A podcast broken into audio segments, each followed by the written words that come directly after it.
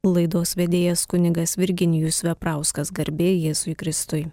Ir panelė švenčiausiai taip pat, malonus Marijos radio klausytojai, girdima laida aktualieji bažnytinės teisės klausimai. O mes eikime prie 1080 kanono, čia nagrinėjamės ardomasis kliūtis bendrai. Kanonas turi du paragrafus.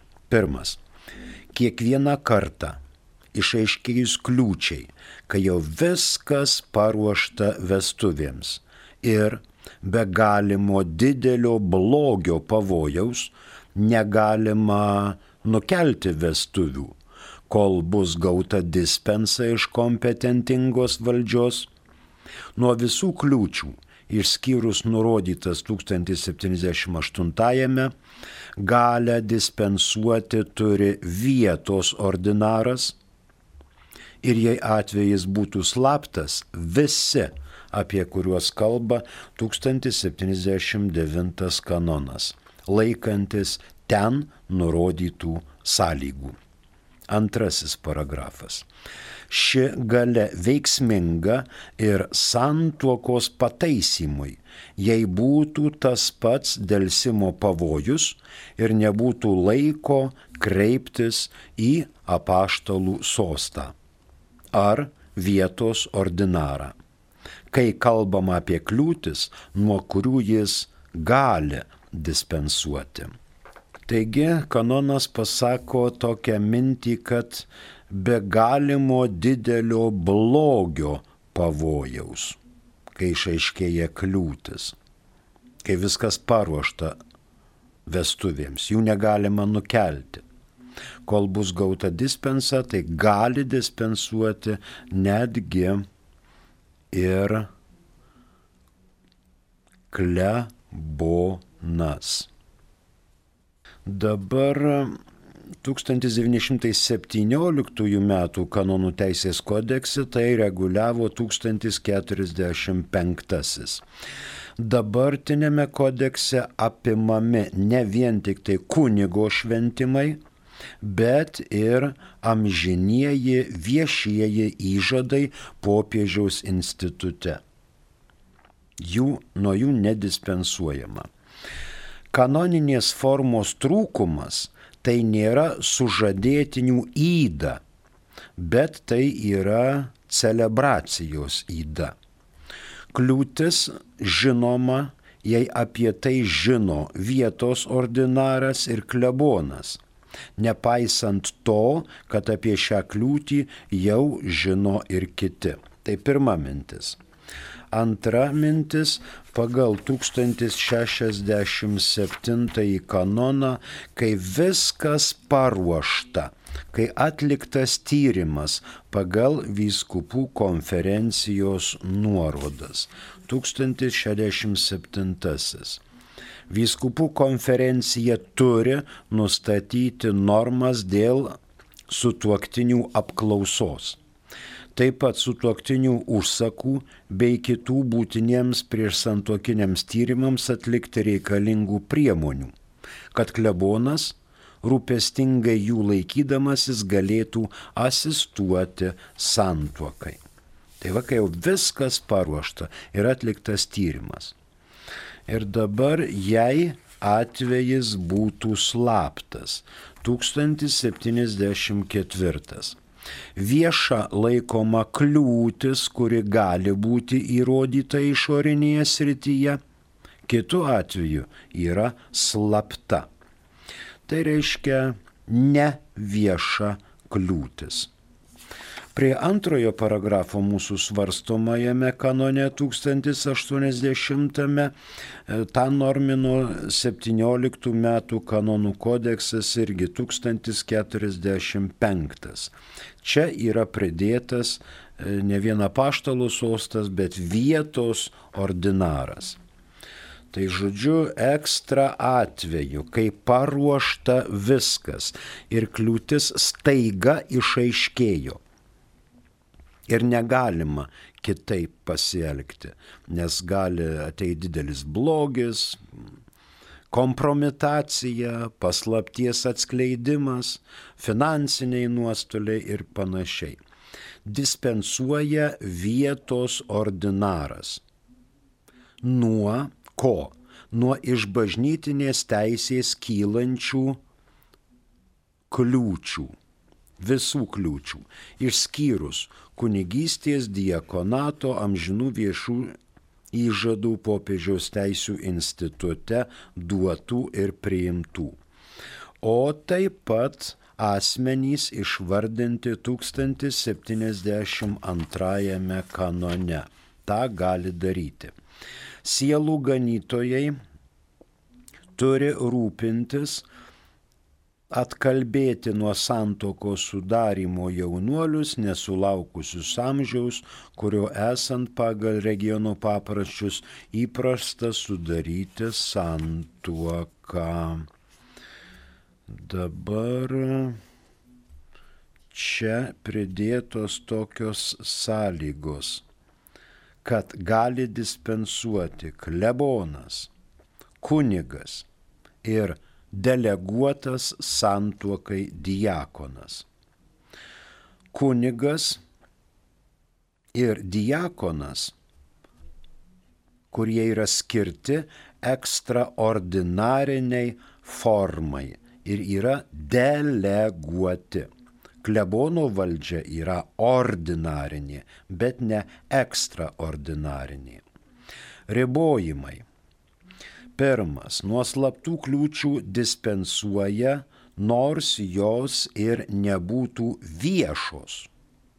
Antra mintis, gali veikti, jei negalima pasiekti normaliu būdu, o vien tik tai telefonu arba telegrafu. Jeigu taip pasiekiami, tai reiškia suteikiama laisvė veikti.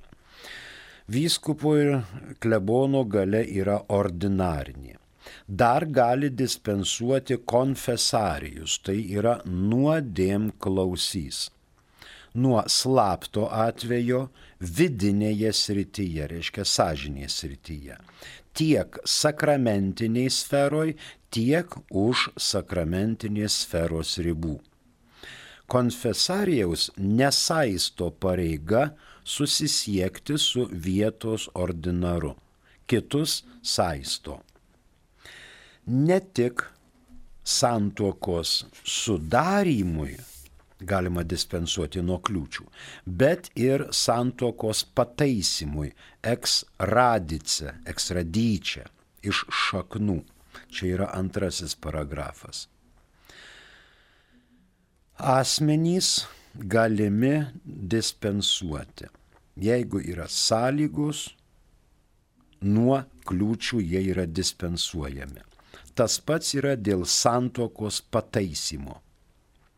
Tai ordinarinis būdas santokos galiojimui. Rytų kanonuose atitikmuo 1080 yra 797. Fiksuojam 1080. Pirmas paragrafas kiekvieną kartą, išaiškėjus kliūčiai, kai jau viskas paruošta vestuvėms ir be galimo didelio blogio pavojaus negalima nukelti vestuvių, kol bus gauta dispensa iš kompetentingos valdžios, nuo visų kliūčių, išskyrus ten tas kunigystė, įžadai, gali dispensuoti, gali dispensuoti turi vietos ordinaras ir jei atvejais būtų slaptas visi, apie kuriuos kalba 1079 kanonas, laikantis ten nurodytų sąlygų. Antrasis. Ši gale veiksminga ir santuokos pataisymui jei būtų tas pats dėlsimo pavojus ir nebūtų laiko kreiptis į apaštalų sostą ar vietos ordinarą, kai kalbama apie kliūtis, nuo kurių jis gali dispensuoti. Dabar dar galima šiek tiek paivairinti tuo prieš tai buvusių kanonų antrų paragrafų. Tokiomis pačiomis aplinkybėmis, apie kurias kalbama čia, tačiau tik tuo met, kad kai neįmanoma pasiekti vietos ordinaro, tokią pačią galę dispensuoti turi tiek klebonas, tiek tinkamai deleguotas įšventintasis tarnautojas, tiek kunigas ar diakonas asistuojantis santuokai. Mirties pavojuje nuodėm klausys turi galę dispensuoti nuo slaptų kliūčių vidinėje srityje, tiek per sakramentinę išpažinti, tiek ne jos metu. 1080 pabaigėm, dabar 1081. Klebonas arba kunigas ar diakonas apie kuriuos kalbama čia 1079-ame, nedelsdami privalo informuoti vietos ordinarą apie suteiktą dispensą išorinėje srityje. Ir ji turi būti pažymėta santuokų knygoje. 1917 m. kanonų teisės kodekse tą normino 1046. Dabar čia pridėtas prie galimų reikalų ir diakonas.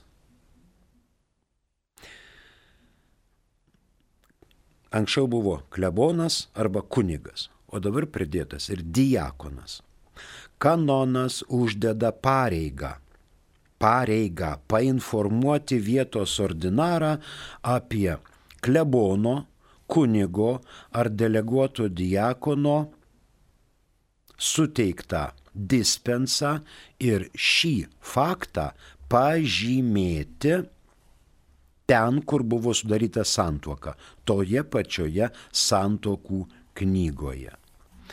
Tai aišku, išorinėje srityje tiek mirties pavojuje esant, tiek grėsant, esant dideliai grėsmiai. Dabar painformuoti reikėtų vietos ordinarą nedelsiant ir painformuoti apie kokį atvejį reikėjo duoti dispensą, nuo ko ir dėl ko, nuo kokios kliūties tai yra šitas painformavimas, yra padiktuota būtinybė kontroliuoti dispensos būdą. Ir žiūrėti, kaip dvasininkai to laikosi, kad nebūtų taip į kairę ir į dešinę. Tai yra kontroliavimo būdas ir pažiūrėti, jeigu kartais yra suklysta ar ką, tai vietos ordinaras turi perspėti kunigą arba drausti jam toliau elgtis būtent taip arba kitaip. Tai yra ir drausminanti priemonė. Rytų kanonuose atitikmuo 1081 yra 798. Tačiau ten irgi kalbama tik tai apie kunigą ir vyskupą. Ten diakonas nepaminėtas. Kitas kanonas, e, tai yra fiksuojam 1081. Klebonas arba kunigas ar diakonas nedelsdami privalo informuoti vietos ordinarą apie suteiktą dispensą išorinėje srityje. Ir ji turi būti pažymėta santuokų knygoje. Dabar 1082 jis pabaigė šitą skyrelį apie ardomasias kliūtis bendrai. Ir pradėsime apie atskiras ardomasias kliūtis. Taigi 1082. Jei penitenciarijos reskriptas nenurodo kitaip, dispensa nuo slaptos kliūties suteikta vidinėje, nesakramentinėje srityje turi būti pažymėta knygoje saugomoje slaptame kurijos archyve ir nereikia kitos dispensos išoriniai sričiai, jei ateityje slapta kliūtis taptų vieša. 17 metų kanonų teisės kodekse tą normino 1047. Žodžiu, turi būti atžymėta dispensa nuodėmklausio dėl slaptos kliūties dispensavimo. Tai yra vidinėje srityje, nesakramentinėje. Jei penitencijarija neįsako ar neliepia ko kito. Ir šitas atžymėjimas turi būti saugomas slaptame archyve. Diskretiškai nuodėmklausys siunčia žinę tas, kas suteikė dispensą, būtent jisai. Jei ši žinia, jei ši dispensa tampa žinoma, kitos iš dispensos išorinėje srityje tikrai nereikia. Nuodėmklausio suteikta di dispensa sakramentinėje vidinėje sreiktyje nereikalauja atžymėjimo arba pranešimo. Reikalaujama tik tai išorinėje srityje. O jei šita kliūtis taptų žinoma, tada reikia pasielgti taip, kaip su išorinė sritimi. Na, pavyzdžiui, gaisras kūrijoje. Ten gaisrininkai su šlangom ir slapstas archyvas yra prieinamas, ten popieriai laksto ant gatvės, kažkas paėmė, perskaitė, pasižiūrėjo. Gali būti visokių situacijų, kai slapta kliūtis tampa žinoma. 1082 kanonas atitikmuo rytų kanonuose yra 799. 1082 pabaigėme, fiksuojame. Jei penitenciarijos reskriptas nenurodo kitaip dispensa nuo slaptos kliūties suteikta vidinėje, nesakramentinėje srityje, turi būti pažymėta knygoje, saugomoje slaptame kurijos archyve. Ir nereikia kitos dispensos išoriniai sričiai, jei ateityje slapta kliūtis taptų vieša. Tai šitą skirelį pabaigėm, primenu, kad girdite Marijos radiją, o mes eikime prie atskirų ardomųjų kliūčių. Yra du paragrafai. Nu, gal prieš tai šiek tiek apie atskiras ardomasias kliūtis galiojančiam santuoko sudarimui reikalaujama iš sužadėtinių pusės, kad jie neturėtų kliūčių sudaryti santuokai. Tiek iš prigimtinės teisės, tiek iš bažnytinės teisės pusės. Jeigu yra kliūtys, jas reikia šalinti kaip minėta, e, netgi tiesioje linijoje yra negalima, kad senelis vestų anūkę arba tėvas vestų dukrą. Čia yra tiesioji linija, kur niekar nedispensuojama. Taip pat niekada nedispensuojama, jeigu brolis nori vesti seserį. Čia yra prigimtinė teisė. Ir taip toliau. Ir dabar e, šalutinėje linija taip pat pusbrolis negali galiojamai susituokti su pusėserė be leidimo, negavus vyskupo leidimo. Su pusėserės vaikais gali vienu iš vaikų bet tarpusavyje ne. Ir taip toliau. Matot, yra prigimtinė teisė ir yra bažnytinė teisė. Kliūtis santuokai yra, pavyzdžiui, kunigo šventimai.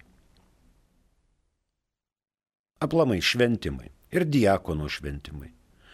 E, amžini vieši duotieji skaistybės įžadai kuriam nors institute. Yra kliūtis santuoka. Tai neprigimtinė teisė, tai yra bažnytinė teisė.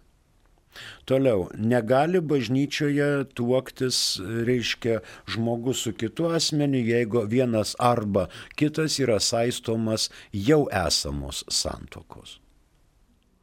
Dabar mes nagrinėsime tokius dalykus, kurie atrodo iš pažiūros visiškai aiškus, bet juos bažnyčia normina Jos bažnyčia tvarko ir jos bažnyčia priveda iki bendro vardiklio, nurodydama, kad santoka gali būti daroma net ir negaliojančia.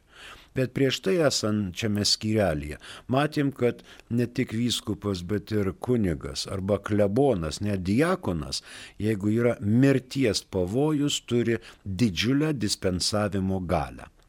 Kodėl? Todėl, kad sudaryta santoka žemėje galioja ir ant gamtinėje srityje kad atlikę mirties pavojų ir vienas ir kitas išpažinti, arba tik tai vienas, kuriam ten grėsia kas nors, galėtų būti sutuokti ir laikytųsi ir būtų laikoma, kad jie yra vyras ir žmona.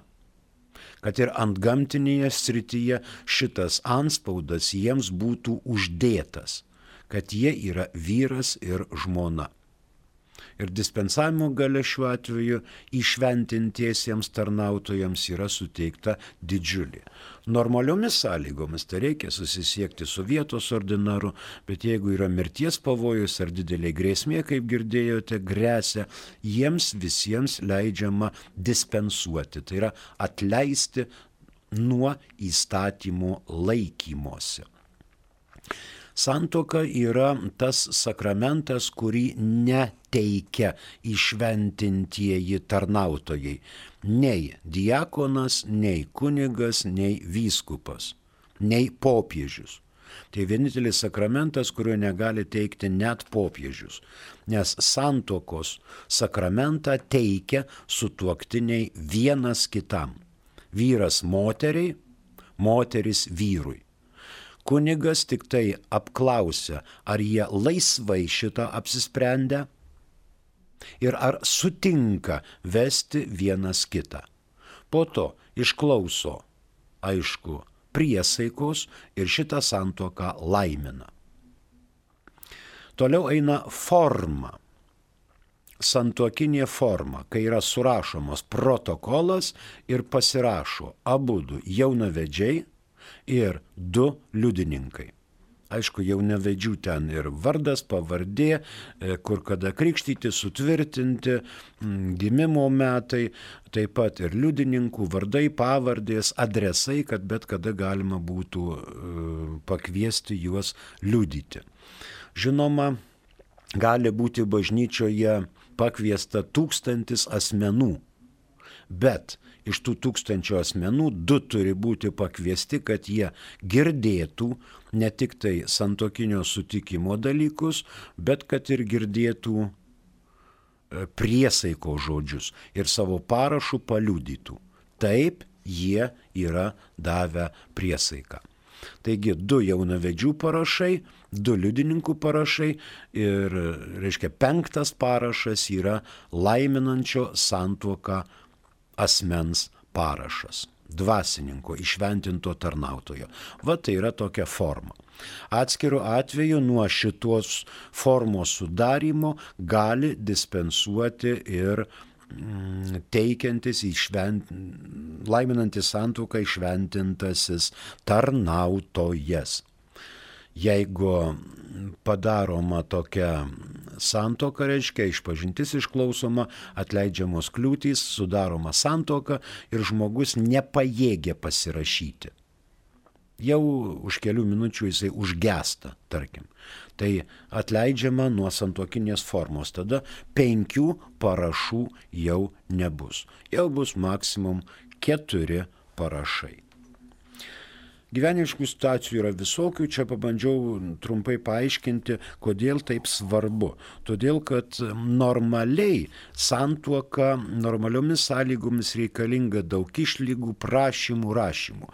Bet jeigu mes kartais esam užkėtinę savo širdį ir sakom, a, jeigu bažnyčia tokia nelanksti, tai tegul jinai eina šunim šėko pjauti, aš nesudarysiu santokos, man tas pats sudaręs civilinę santoką ir man to užtenka mirties pavojuje bažnyčia labai lankščiai ir rūpestingai prieina prie šitų dalykų, kai žmogus jaučia, kad jau alsuoja amžinybė, kartais jisai gauna iš Dievo tokią malonę, kad sako, vis tik tai mes nesame traša žemiai, bet kažkas yra daugiau už mus, mes esam sukurti aukštesniems dalykams ir aš noriu su savo žmonas nors prieš mirtį susituokti, kai yra didelė grėsmė kam nors arba mirties pavojus.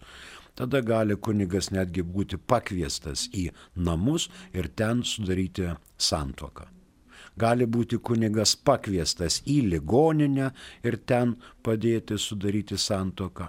Gali kunigas būti pakviestas į senelių namus ir ten sudaryti santoką tarptų asmenų. Taigi, mirties pavojuje labai lankščiai žiūrima. Ir mes, kurie šitą informaciją dabar jau šią informaciją disponuojame, galime labai padėti kitiems kurie mirties pavojuje trokšta. Nereikia sakyti, kad čia reikia jūs su ligoninės lovomis ar su kita kompensacinė technika vesti į bažnyčią, čia vargonininką kvies žvakės deg, zakristioną, kad uždegtų šviesas ir kad padarytų šitą visokų apklausas daryti. Tada apklausa yra mikliai ir staigiai daroma taip, taip, taip, ne, ne, ne, šitaip ir anaip. Jeigu kunigas turi moralinį tikrumą arba išventintas tarnautojas, kad jie gali sudaryti iš principo santoką, tada jie yra dispensuojami ir išorinėje srityje, ir vidinėje srityje. Ir jie sudaro santoką, kurią Išventintasis tarnautojas fiksuoja ant popieriaus, pasirašo ir įdeda į tos parapijos knygą, kurioje tai įvyko. Ne numokim į šitą ranką, atkreipkim dėmesį, kad tokiu būdu mes galim labai daug kam padėti ir danguje džiaugsis tūkstančiai angelų, cherubinų, serafinų dėl šios santokos, kuri dėl kažkokiu tai priežasčių anksčiau nebuvo susisgripta atlikti, o mirties pavojus, kai yra, tada šitą santoką ima ir sudaro. Santoka yra vyro ir moters sąjunga, skirta vaikų pradėjimui, gimdymui, auklėjimui ir tarpusavio sutuoktinių gėriui. Tai dabar ardomosios kliūtys atskiros ardomosios kliūtys. 1083 kanonas. Du paragrafai. Vyras nesulaukęs 16 metų ir moteris nesulaukusi 14 metų negali sudaryti galiojančios santuokos. Antrasis. Vyskupų konferencijos teisėtam santuokos sudarimui gali nustatyti vyresnį amžių. Taigi pirmasis kanonas, pirmasis paragrafas tvirtina, kad mo, vyras gali būti vesti, būdamas sulaukęs 16 metų, o moteris 14 metų. Nuo 14 metų amžiaus pagal bažnyčios mokslą mergina gali tekėti. Vaikinas gali tekėti nuo 16 metų amžiaus. Tačiau vyskupų konferencija teisėtam santokos sudarimui gali nustatyti vyresnį amžių. Lietuvos vyskupų konferencija prieimė sprendimą, kad santokos amžius Lietuvoje nuo 18 metų. Bet tai visai nereiškia, kad mm, bažnyčia negali tuokti merginos sulaukusios 14 metų, vaikino sulaukusio 16 metų amžiaus. Jeigu yra teismo sprendimai, jeigu yra tėvų ar globėjų sutikimai, jei yra didžiulė karšta meilė ar dar kitokie dalykai, tai tada klebonas gali laiminti santuoką, kur mergina yra sulaukusi 14 metų amžiaus, vaikinas sulaukęs 18 metų amžiaus. Anksčiau būdavo reikalinga globėjų, tėvų raštiškas sutikimas, reiškia, jie, jie turi būti atsiklausę. Dabar, kai pasižiūri 14 metų amžius, nu dar nemanome, kad mergina galėtų būti ypatingai subrendusi ir brandi šeimai. Tas pats yra su 16 metų vaikinuku šeima, kad egzistuotų, tai ne vien užtenka, kad būtų kambarį pastatyta ten stalas ir lova. Turi būti atitinkamos sąlygos vaikų pasitikimui kad nebūtų ant grindų numestas čiužinys ir sakys, mes čia gyvename ir štai dabar pradės eiti vaikučiai, pabiručiai jie irgi yra mažesni, jie irgi yra silpnesni ir bažnyčia juos globoja. Reikėtų atkreipti dėmesį į tai, kokiu būdu galima padoriai, oriai priimti vaikus ir suteikti jiems ne tik tai pampersus vystyklus, bet ir augimą ir ugdymą. Kokiu būdu 16 ir 14 metų, skaitykim, tokie jau paaugliai pradėję naują gyvybę gali užtikrinti, kad bus užauginti ir išauklėti vaikai. Tai jau klausimas, į kurį reikėtų atsakyti bendruomeniai, krikšto tėvams, tėvams, seneliams, kurie užtikrintų šitų jaunų žmonių galimybę toliau vienas kitą ne tik mylėti, bet ir ugdyti ir auklėti vaikus. Dabar dar galime pasižiūrėti 1084 į trys paragrafai. Iš ankstinis ir nuolatinis tiek vyro, tiek moters lytinis nepajėgumas. Visiškas ar dalinis pagal savo prigimtį suardo santuoką. Antrasis. Jei nepajėgumo kliūtis yra abejotina tiek dėl teisės, tiek dėl fakto, santuokai negali būti trukdoma ir abejoniai išliekant ji neskelbtina niekinė. Trečias nevaisingumas nedraudžia ir nesuardo santokos laikantis 1098 kanono sąlygų. 1098. Tas, kuris sudaro santuoką apgaulę, siekdamas išgauti sutikimą dėl kokios nors kitos šalies savybės, savo prigimtimi galinčios smarkiai sudrumsti nesantokinio gyvenimo bendrystę, ją sudaro negaliojamai. Čia dėl sutikimo iš, išgavimo. Dabar pirmasis paragrafas. Iš ankstinis ir nuolatinis tiek vieno, tiek kito lytinis nepajėgumas. Visiškas ar netgi dalinis pagal savo prigimtį suardo santuoką. E, žodžiu, bažnyčia gina antrąjį sutuoktinį. Jeigu abu sutuoktiniai lytiškai nepajėgus, tai dėl ko jie tada sudarinėja santuoką? Jeigu vienas yra nepajėgus, o kitas to nežinojo, ir eina į santuoką. Jis yra, reiškia, tokia padėtis jo netenkina. Visiškai. Ir jis užprotestuoja bažnytiniam teisme, kad mm, ana pusė, reiškia, kitas sutuoktinis yra nepajėgus atlikti lytinį aktą. Nepajėgus. Galbūt su kuo kitu jis yra pajėgus bet su manimi yra nepajėgus atlikti lytinių aktų. Todėl bažnyčia per bažnytinį teismą ima ir tokias santokas skelbia negaliojančias. Tas pats dėl nepajėgumo kliūties, jeigu yra abejojama tiek dėl teisės, tiek dėl fakto.